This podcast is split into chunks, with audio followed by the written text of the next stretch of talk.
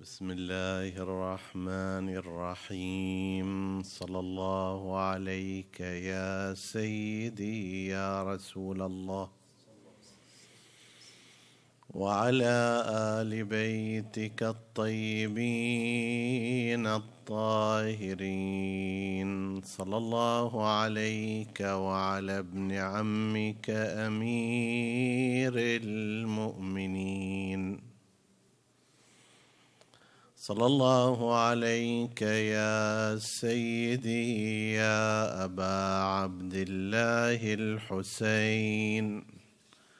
ما خاب من تمسك بكم وأمن من لجأ إليكم. يا ليتنا كنا معكم. فنفوز فوزا عظيما. عطروا مجالسكم بذكر محمد وآل محمد. اللهم صل وسلم على محمد. اللهم صل على محمد اللهم صل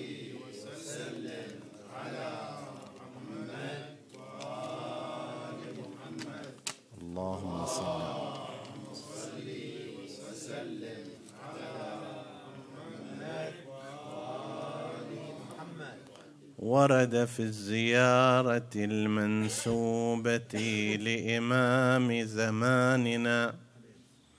سلام الله عليه.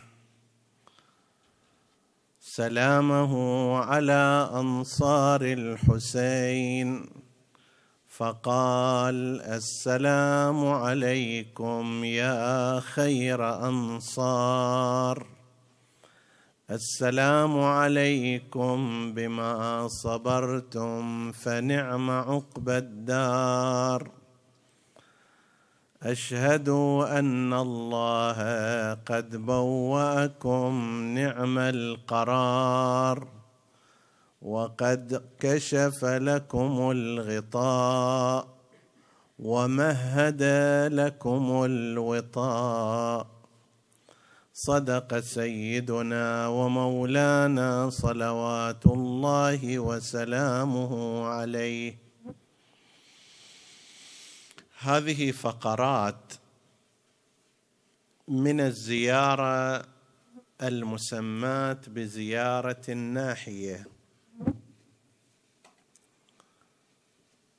وهي بحسب التاريخ يفترض أنها صادرة من الإمام العسكري سلام الله عليه وبعضهم احتمل حتى من الإمام الهادي.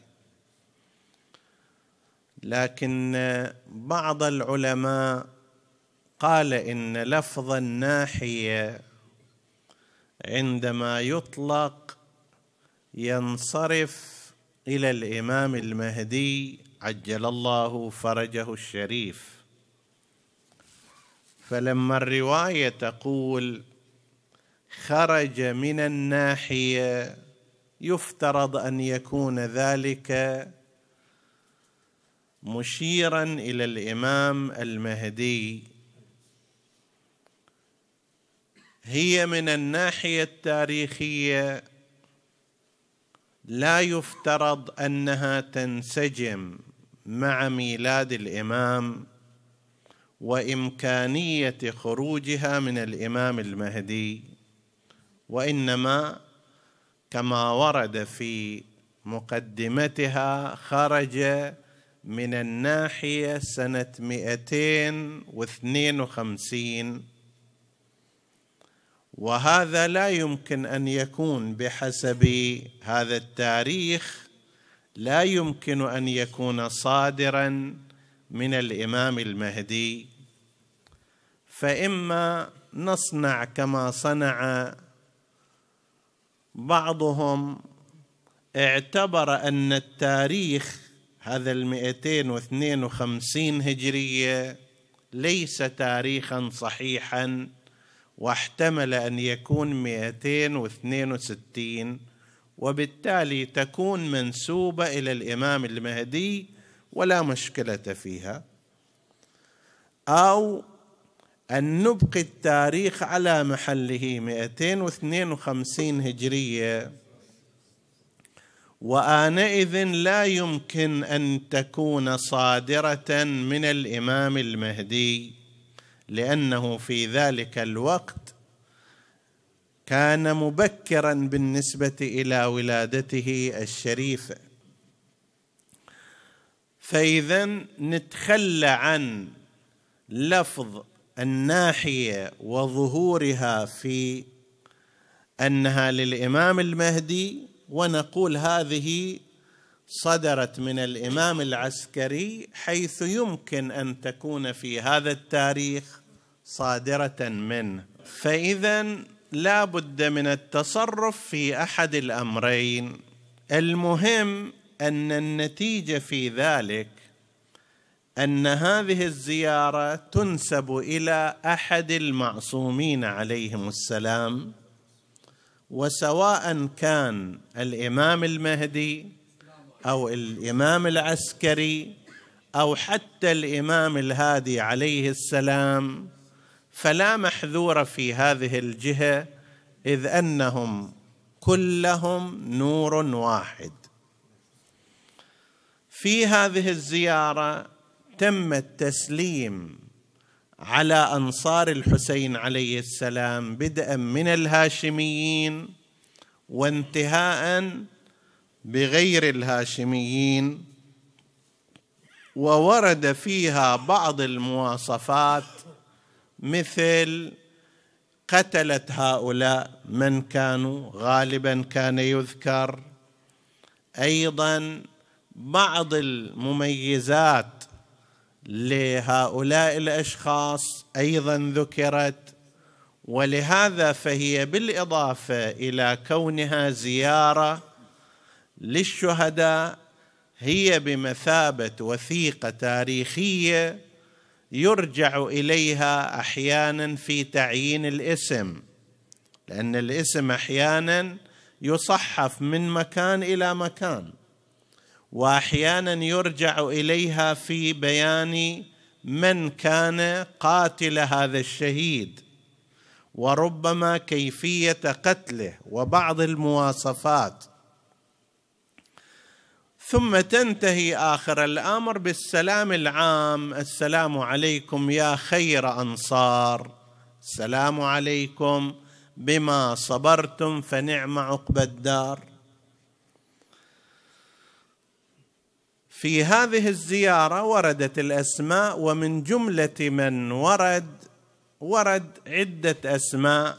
لها دور مهم أو صفة استثنائية. من ذلك ما ورد في السلام على نافع ابن هلال المذحجي المرادي والرجل كان إلى أدوار مهمة وأيضا ورد فيها التسليم على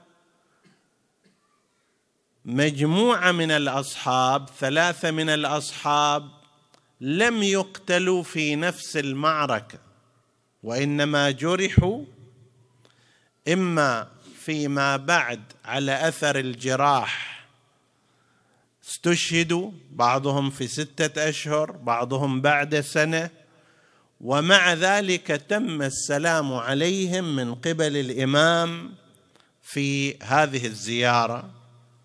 نشير هذه الليلة إلى شيء من حياة هذا الصاحب للإمام الحسين عليه السلام نافع ابن هلال ثم نتعرض إلى أولئك النفر الذين كانوا بين جريح ومأسور ومرتث ولكنهم شاركوا في نفس المعركة.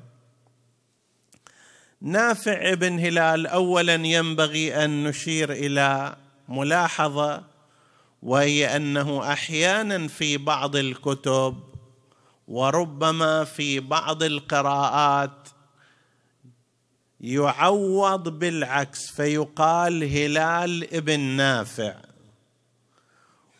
صاحب الحسين هو نافع بن هلال. عدو الحسين هو هلال ابن نافع.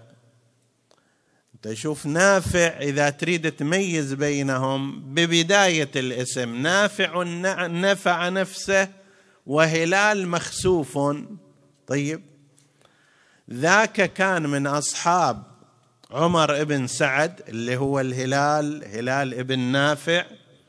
ونافع ابن هلال الذي نفع نفسه هذا رجل من الأعاظم. من أصحاب أمير المؤمنين المهمين خاض حروبه الثلاث مع الإمام عليه السلام وكان على مستوى من العلم والمعرفة عال. رجل مو فقط فخره ومنزلته بأنه كان من شهداء كربلاء وإن كانت منزلة عظيمة إلا أنه بالإضافة إلى ذلك هو من أصحاب أمير المؤمنين عليه السلام وممن شارك في حروبه الثلاث. وفوق هذا أخذ العلم عن أمير المؤمنين عليه السلام ويعد من علماء أصحابه. لما خرج الإمام الحسين عليه السلام وجاء إلى مكة هذا مذحجي مرادي من أهل الكوفة نفس القبيلة التي كان رئيسها هاني ابن عروة المرادي المذحجي. كان استقرارها في الكوفة وهذا أيضا واحد منهم. فلما سمع أن الإمام الحسين عليه السلام خرج من المدينة باتجاه مكة وأنه عازم على الخروج إلى العراق ما انتظر الأمر وإنما خرج في الفترة التي تخللت بين مجيء مسلم ابن عقيل وبين شهادته. هالفتره اللي تخللت من مجيء مسلم ابن عقيل الكوفة إلى يوم ثمانية ذي الحجة في هالفترة هو خرج من الكوفة قاصدا الإمام الحسين عليه السلام في مكة المكرمة. وأوصى أوصى بعض أقاربه بأنه بعد عدة أيام خل يطلعون فرسه الخاص كان يسمى بالكامل. فرس. بالتالي مثل شلون الآن اعتزاز الناس بعرباتهم وسياراتهم وما شابه ذلك يصرفون عليها في ذاك الوقت أيضا كان بالنسبة إليهم الخيول شيء من هذا القبيل. ولذلك ذاك مثل عبيد الله بن الحر لما عرض عليه الإمام الحسين النصرة قال له أنا أعطيك فرس هذا فرس استثنائي.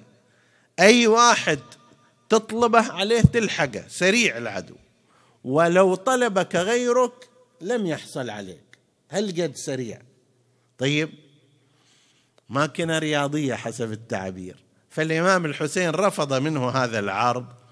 الشاهد نافع بن هلال في نفس الوقت اللي خرج إلى مكة لكي يلتقي بالحسين عليه السلام أوصى بعض أقاربه من المراديين أنه بعد كذا يوم جيبوا إلي الفرس في الطريق الفلاني فرسي الكامل. بالفعل راح إلى الحسين عليه السلام التحق به سمع خطابه سمع كلامه ورافقه أيضا. إلى أن وصل إلى منطقة عذيب العج... عذيب الهجانات. هاي منطقة مشهورة كانت وكان في زمن الأكاسرة قبل الإسلام محل مرعى لدواب الأكاسرة والملوك الفرس. وكان فيها ماء عذب هناك ومنها جاءت التسمية عذيب. فهناك الإمام الحسين عليه السلام عندما التقى بجماعة قام فيهم خطيبا وخطب خطبته المعروفة فإني لا أرى الموت إلا سعادة والحياة مع الظالمين إلا برما في أماكن أخرى هم نقل منه. وفي مثل الحاله ما في مانع من التعدد. يعني من الممكن أن الإمام الحسين عليه السلام في فلان مكان قال هذه الخطبة ونفسها أو قريب منها أيضا قالها في مكان آخر على جماعة آخرين. فلما سمع هو النافع هذا الكلام أيضا قام وخطب خطبة جيدة ومما جاء فيها قال والله ما كرهنا لقاء ربنا وإنا على نياتنا وبصائرنا نوالي من والاك ونعادي من عاداك. ولا ريب أن إشعار وإعلان هذا الموقف هذا كما ذكرنا أكثر من مرة إلى أهمية ليش لما تروح إلى الزيارة بعد ما تقول السلام عليك يا أبا عبد الله السلام عليك يا ابن رسول الله بعد ذلك تعلن شهادتك. أشهد أنك قد أقمت الصلاة. أشهد أنك قد آتيت الزكاة. أمرت بالمعروف نهيت عن المنكر هذا الإعلان له أثر مهم على من يجاور الإنسان. كذلك لما هذا يجي يقول إنا على نياتنا على بصائرنا نوالي من والاك نعادي من عاداك. يقوي هذه اللحمة الداخلية الموجودة بين هذا الجمع.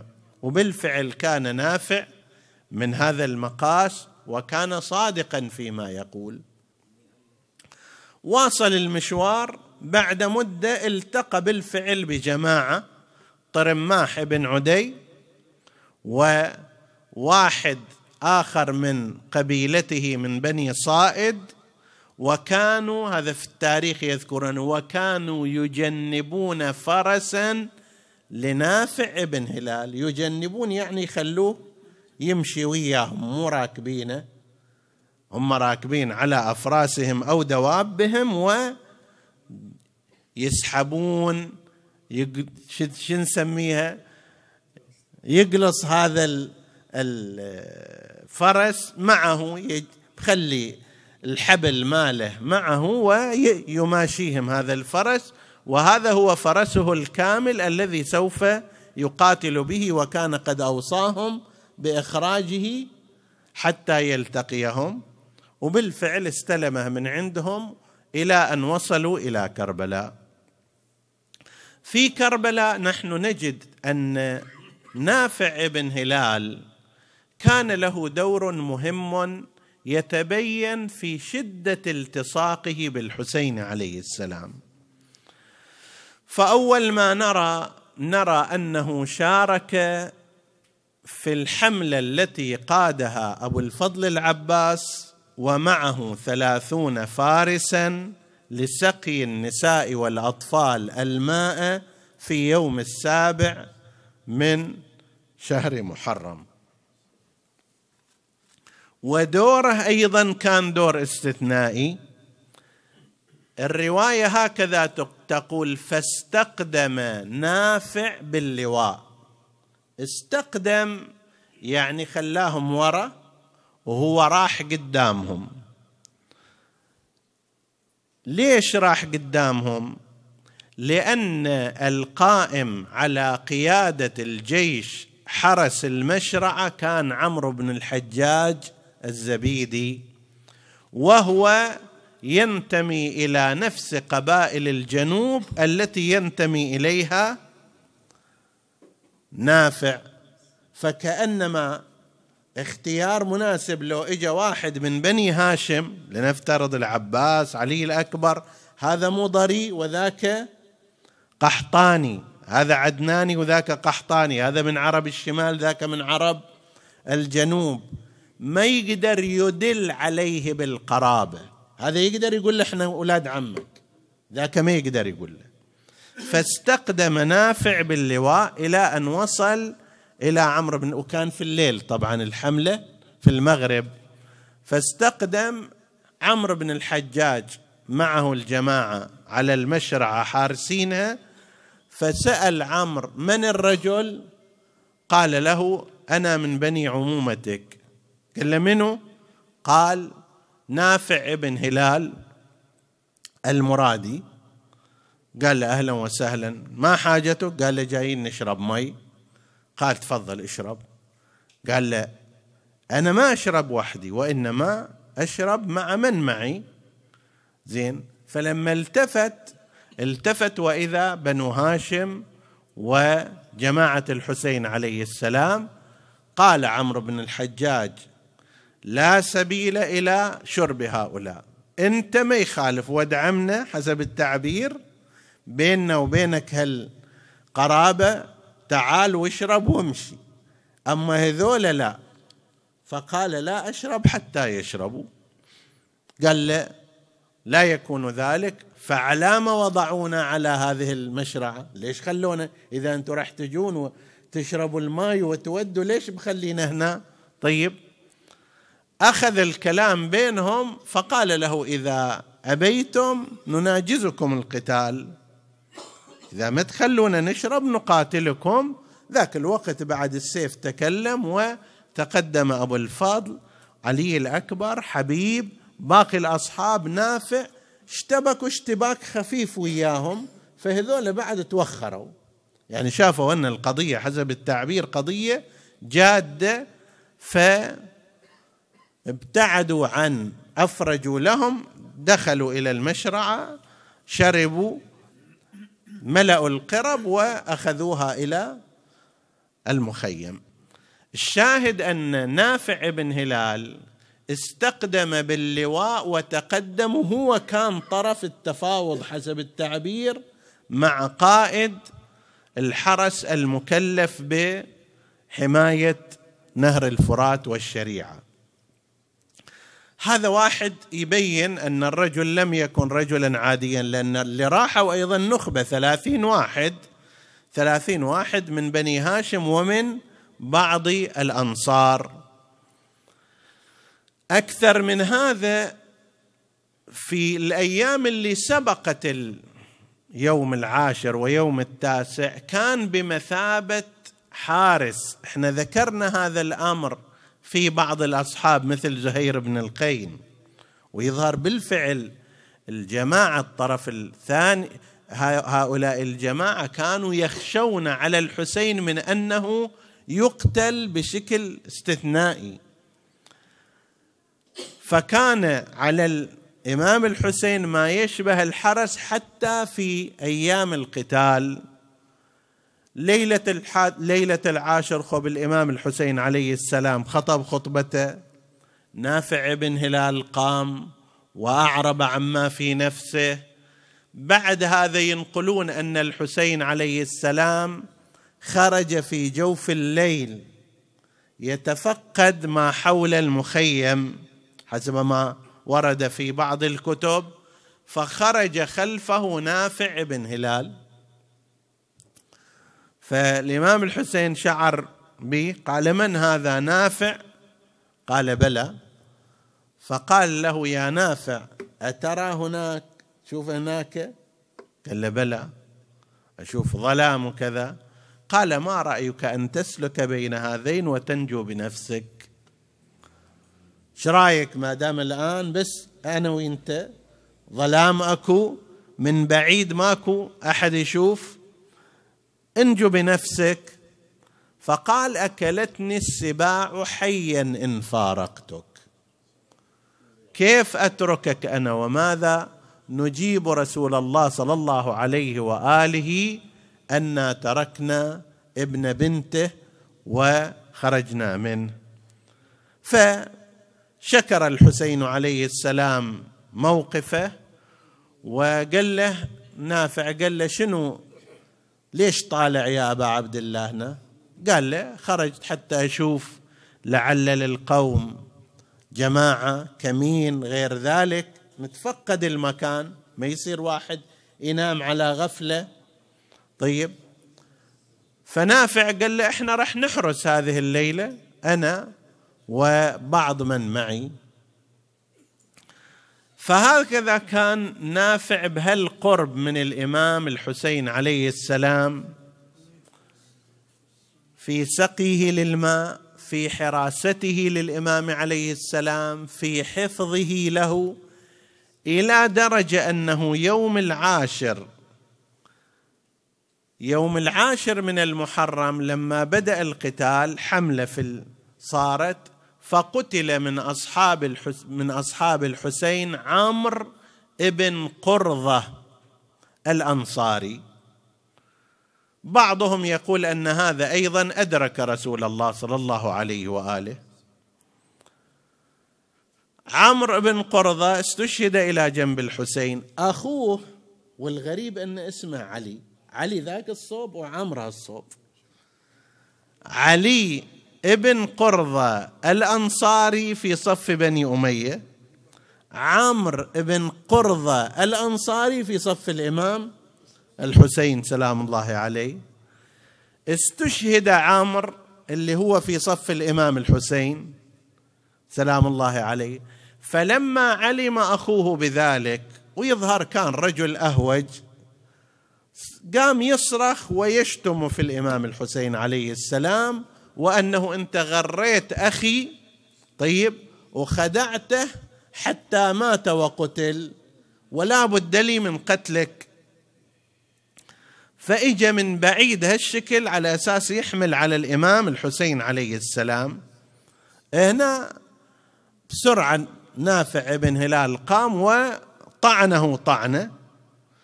ما صابته في مقتل ولكن أوقعته عن فرسه.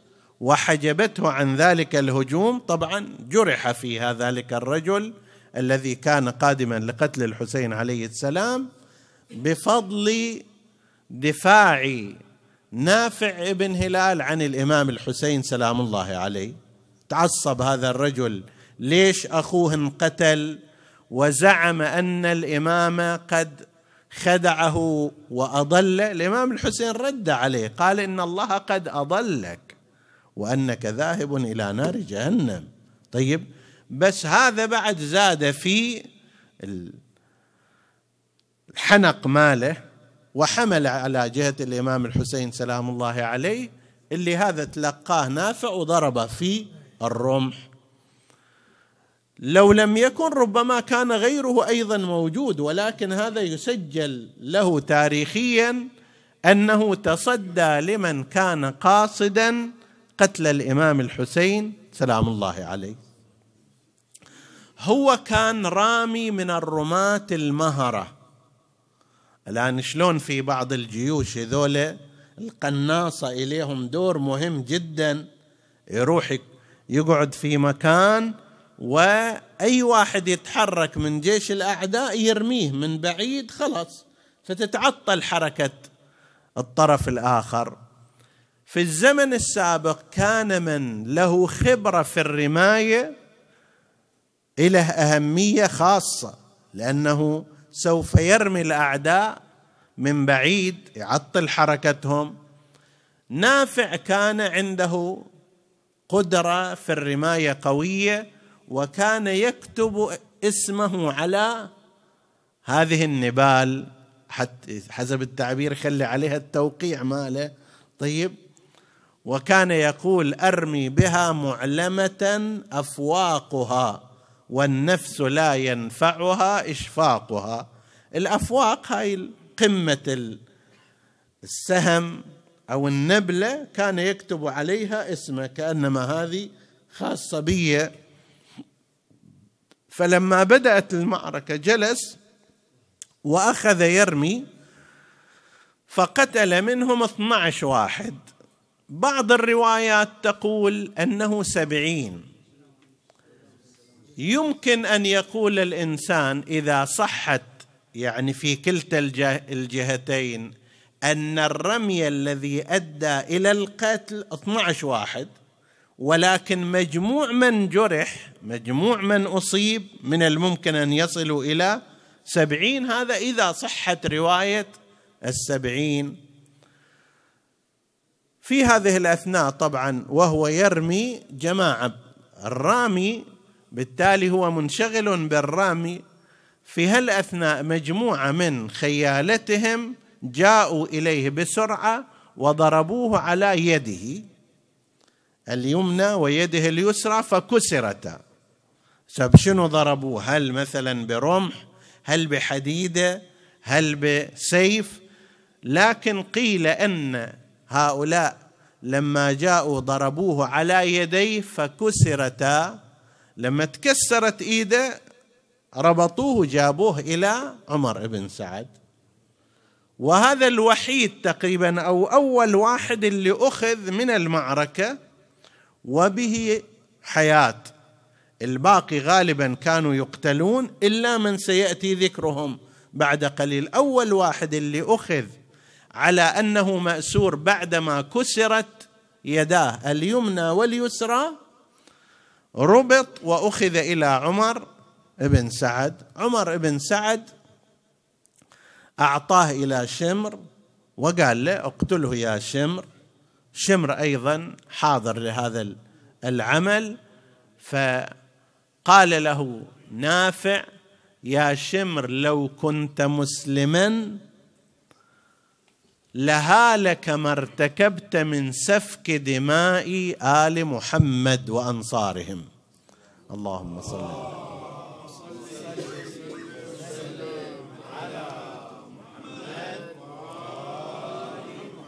فإنت شخص يعني نحن نشك في أنك إنسان مسلم لأن الإنسان المسلم بالتالي يتأمل ينظر وهل مقدار انت اللي تتجرع على قضية القتل بهذه السهولة تجعل الإنسان يشك فيك؟ وبالفعل يعني شمر لواحد يرسم صورته وشخصيته من خلال ما قيل عنه في المعركة وما فعل في المعركة بغض النظر عن سابق تاريخه يجد امرا مثيرا للإشمئزاز. شمر الذي يأمر غلامه رستم بأن يأخذ عمود حديد ويضرب تلك المرأة الشابة التي كانت تمسح الدم والتراب عن رأس زوجها وهي قمر بنت عبد من النمر بن قاصد. اثنين هو وهي جاءوا إلى كربلاء التحق بالإمام الحسين عليه السلام. عبد الله بن عمير الكلبي معه زوجته هذه تسمى أم وهب وتكنى بأم وهب واسمها قمر. لما استشهد زوجها جاءت ورموا رأسها الصوب جاءت وأخذت تمسح الدم والتراب عنه. شمر أمر أحد غلمانه واسمه رستم أخذ هذا الحديد أو العمود الحديد واضربها على رأسه وبالفعل اجى وضربها على رأسه فخمدت على رأسه واستشهدت. وهي أول شهيدة في كربلاء من النساء. يعني مثل هالموقف وأمثاله يرسم لنا شخصية كالتي ذكرها نافع بن هلال عن شمر ابن ذي الجوشن أنه لو كنت مسلما لهالك ما سفكت من دماء آل محمد وأصحابه وذريته. بالفعل قدم وضربت عنقه وذهب إلى رحاب الله عز وجل وقد تم السلام عليه باسمه من في زيارتين في الزيارة الرجبية وفي زيارة الناحية وأشادت الزيارتان بمواقفه وبشخصيته. هذا نافع ابن هلال كما ذكرنا للتمييز لأنه هذه المشكلة حتى وقع فيها بعض المؤلفين القدامى وأصحاب الكتب. يتكلم مثلا ثم برز هلال بن نافع وقاتل قتال الأبطال ورمى كذا. هذا هذا هلال بن نافع عدو من أعداء أهل البيت. كان شاهد للمعركة ومقاتل في صفوف بني أمية. الصحيح هو نافع ابن هلال. هذا في هالجهة وذاك الهلال المخسوف في الجهة الأخرى. أكو عندنا بعض بعض الشهداء في كربلاء كما ذكرنا ممن لم يستشهدوا في نفس المعركة. ومع ذلك ورد السلام عليهم في زيارة الإمام عليه السلام لهم. واحد منهم يسمى عمرو الجندعي. عمرو الجندعي قاتل جرح جماعة قتل جماعة بعضهم قال عشرين شخص بين جريح وقتيل أواخر المعركة وأغمي عليه. تدري الإنسان أحيانا عندما على أثر النزف قد يصاب بحالة من الإغماء هذا صار إلى هالشكل أغمي عليه. فيما بعد لما استشهد الإمام الحسين عليه السلام عرف أن صارت ضجه وصارت النساء تبكي وصار كذا وكأن هذه الإغماء بعد أخذت مداها من الزمان. فاستيقظ وسمعهم. يقول قتل الحسين والنساء يبكين وما شابه ذلك فقام وأخذ يقاتل من جديد. أهله وقبيلته وهذا راح نلاحظه في أكثر من واحد وهو يشير إلى أن قسما ممن كان قد جاء مع جيش بني أمية كان لا يزال عنده هذه الحالة من عدم الرغبة في الإكثار من القتل والجرح في صفوف أصحاب الحسين. نوع من التعاطف النفسي قد يكون عند بعضهم أو إذا في درجة أدنى على الأقل هم متعاطفون مع أقاربهم.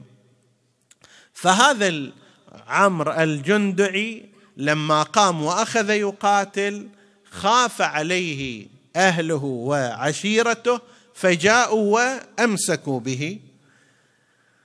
عمر بن سعد أراد أن يقتله فتشفعوا فيه وأنه هذا انتهت المعركة ما ينفعك أن تقتله. طيب والآن هو جريح أيضا جراحته جراحة خطيرة فمن الممكن أن يموت هو بشكل طبيعي.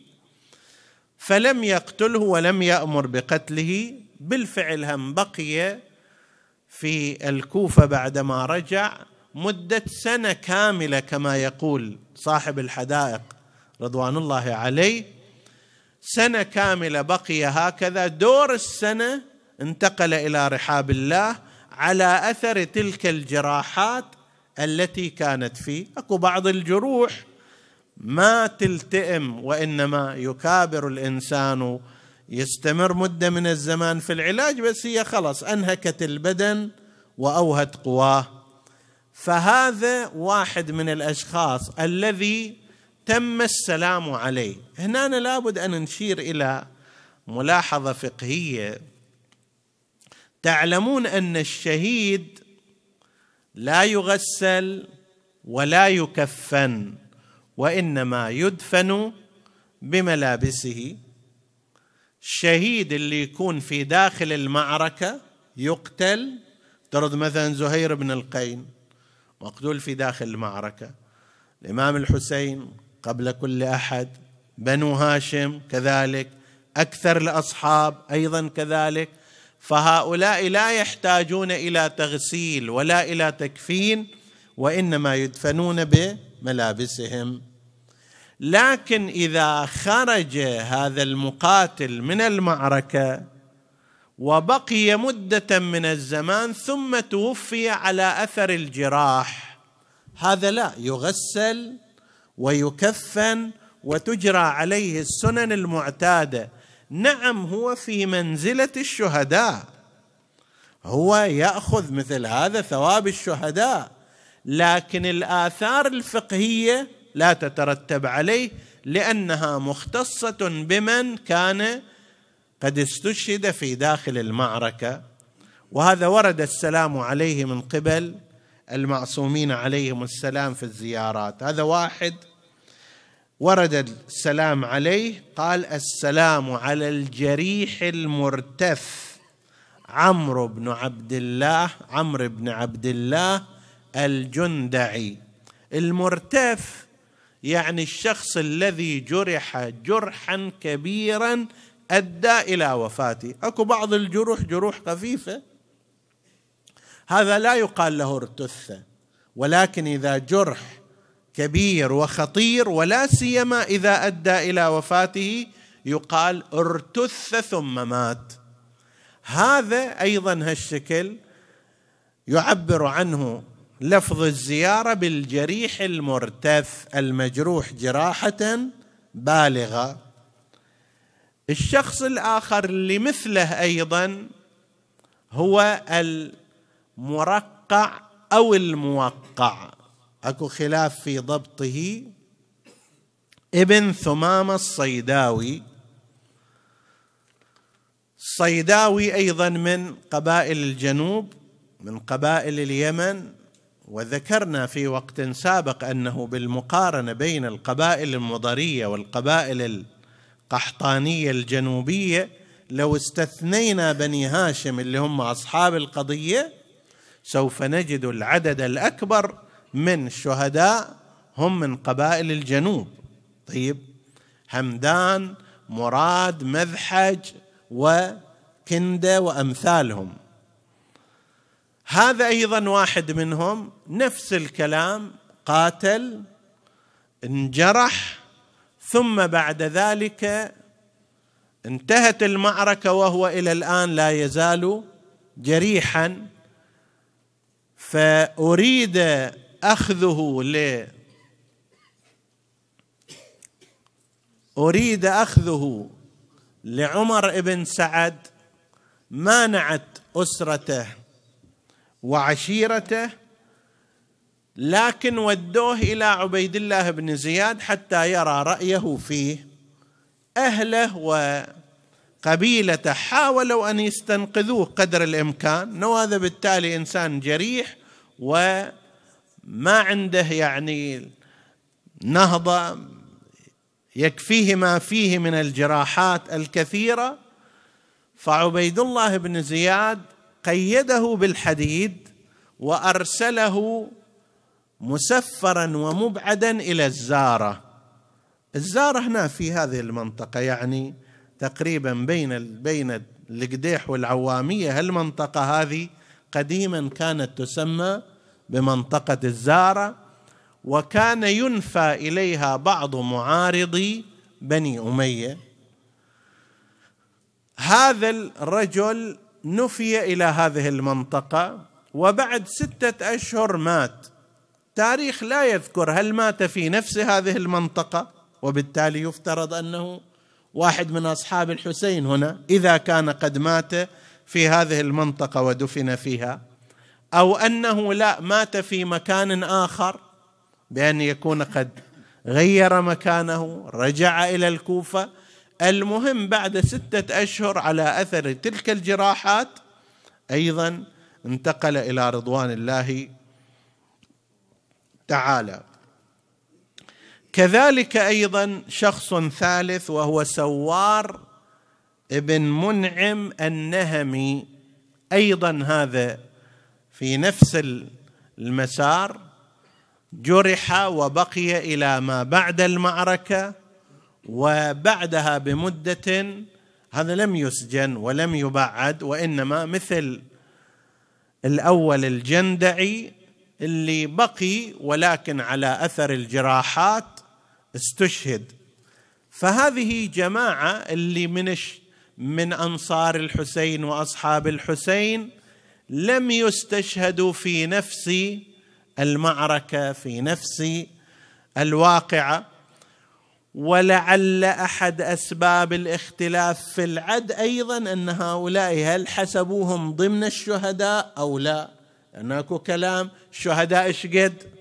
فتارة أنت تحسب الشهداء يعني الذين استشهدوا في داخل المعركة وأخرى لا تحسب كل المجموعة التي استشهدت مع الحسين عليه السلام. هذا واحد من الأسباب. بطبيعة الحال لما يستشهد هؤلاء إحنا نتحدث انه فلان استشهد وفلان استشهد وكلهم يذهبون إلى رضوان الله عز وجل وغفرانه. ولكن لا شك أن رحيل هؤلاء يخلف ألما وحرقة في نفوس أهاليهم. يعني لكل واحد من هؤلاء أسرة له أم له أخت له زوجة له أطفال.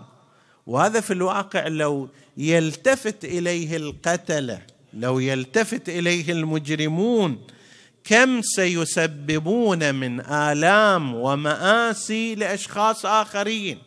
أنت قتلت عشرة. أنت ما تدري وراء هؤلاء العشرة. هناك مثلا عشر أسر مئة إنسان يشتكون من ألم فقد هذا الإنسان. تمتلئ قلوبهم بالحزن تسود الحياة في وجوههم. هذا اللي يخلينا نشوف أن أهل البيت عليهم السلام ما كانوا يلجؤون إلى القتال إلا مضطرين أكره أن أبدأهم بقتال. يقول له خليني أرميه ما دام هو الآن في هذه الحالة لا يستطيع الدفع عن نفسه وهو متعدي هو قاعد يشتمك هو قاعد يسبك خليني أرمي. قل له لا أكره أن أبدأهم بقتال.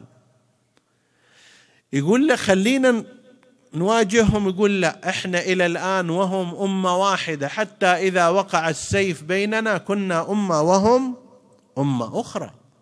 لما يتخلف عن مثل هذه المقاتل والجرائم لما يتخلف منها من آثار اجتماعية ونفسية وعاطفية.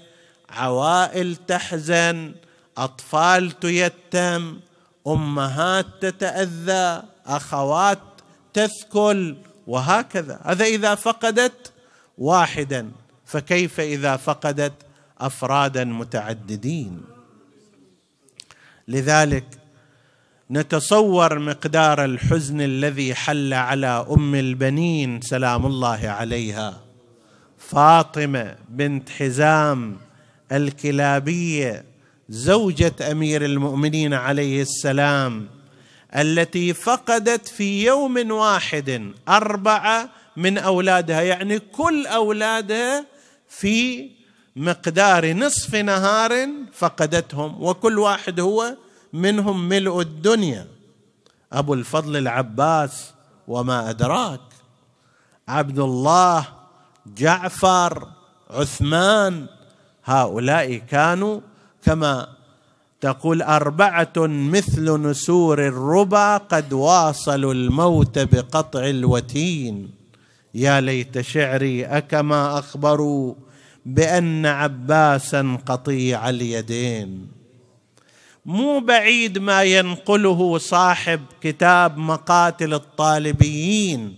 أبو الفرج الإصفهاني عندما يقول أن أم البنين كانت تخرج إلى البقيع وقد عملت لها ما يشبه القبور الأربعة فتجلس عندها وتندب أبناءها وتبكي عليهم. وتحزن لأجلهم وتنشد الشعر في رثائهم. هذا لا نستبعده. الأم بالتالي هذا هو قلبها وهذه عاطفتها وهذه مشاعرها. وإذا ما قدرت تروح لهم في كربلاء فهي هناك تمثل شيئا يذكرها بهم. هذا اللي ينقله بعض الخطباء عندما جاء الإمام زين العابدين عليه السلام إلى المدينة واستقبله الناس وهذه المرأة الجليلة كانت أيضا في من استقبل حتى تسأل عن ولدها الأول الحسين وهي فاقدة للحسين أيضا. ثم تسأل عن أبنائها الأربعة. بالتالي هؤلاء يسألون عن الحسين باعتباره اماما لهم وباعتبار كبير وباعتباره كبير بني هاشم وكبير الإخوة. قالوا إن الإمام زين العابدين خيم على باب المدينة وأرسل بشر بن حذلم لكي يخبر الناس بقتل الحسين عليه السلام. فجاء بشر بن حذلم ورفع صوته من أول المدينة يا أهل يثرب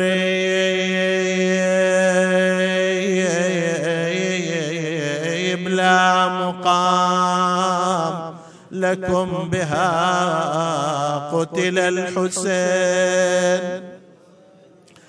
قتل الحسين فأدمعي مدرار الجسم منه بكربلاء مضرج والرأس منه على القناة يدار هرع الناس إلى مسجد رسول الله لكي يعزوا ذلك النبي بولد الحسين. جاءوا بأجمعهم لتعزية رسول الله. استعادوا الخبر من بشر أخبرهم بما جرى على الحسين. قال القارئون والذاكرون جاءت امرأة تسأل من الذي تنعى. سألت عنها قالوا هذه أم البنين أم العباس وإخوته. قلت لها عظم الله لك الأجر في جعفر. قالت أخبرني عن الحسين. عظم الله لك الأجر في عبد الله في عثمان.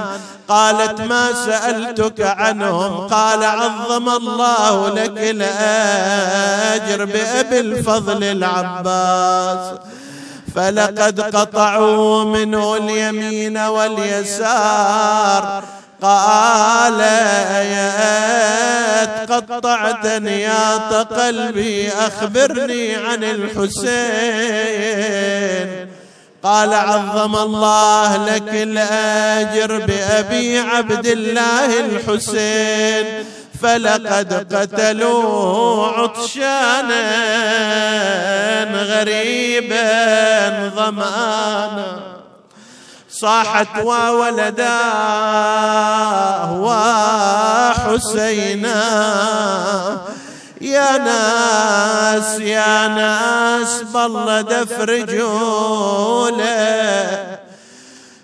خلوه ينزل عن ذلولة.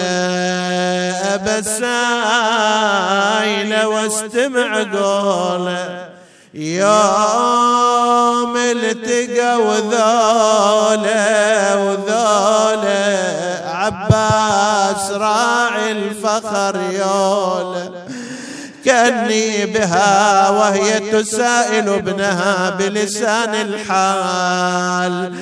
يقولون يا ابني باللواية شقيت الصفوف دارت عليك الخيل يا ابن بزان وسيو.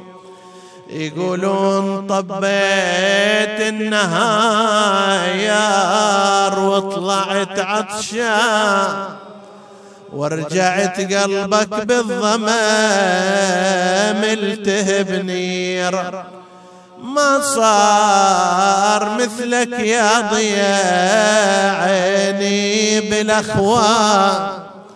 لجلك لواصل بالبكاء نهاري معلل يقولون رأسك يوم حط بحجرة حسين. للقاع رديته يا عقلي ويا ضيا يا ليت مثلك يا الولايات تنذبح سبع. ولا جسم ابن البتولة ترضه الخير. نسألك اللهم وندعوك باسمك العظيم الأعظم. الأعز الأجل الأكرم يا الله. اغفر لنا ذنوبنا كفر عنا سيئاتنا آمنا في أوطاننا. لا تسلط علينا من لا يخافك ولا يرحمنا. ولا تفرق بيننا وبين محمد وآله طرفة عين. فضل اللهم إخواني الحاضرين فردا فردا وأقض حوائجهم. اشف اللهم مرضاهم لا سيما المرضى المنظورين. اللهم اشفهم بشفائك وداوهم بدوائك وعافهم من بلائك. وتقبل اللهم عمل المؤسسين بأحسن القبول إلى أرواح موتاهم وموت السامعين نهدي ثواب الفاتحة تسبقها الصلوات.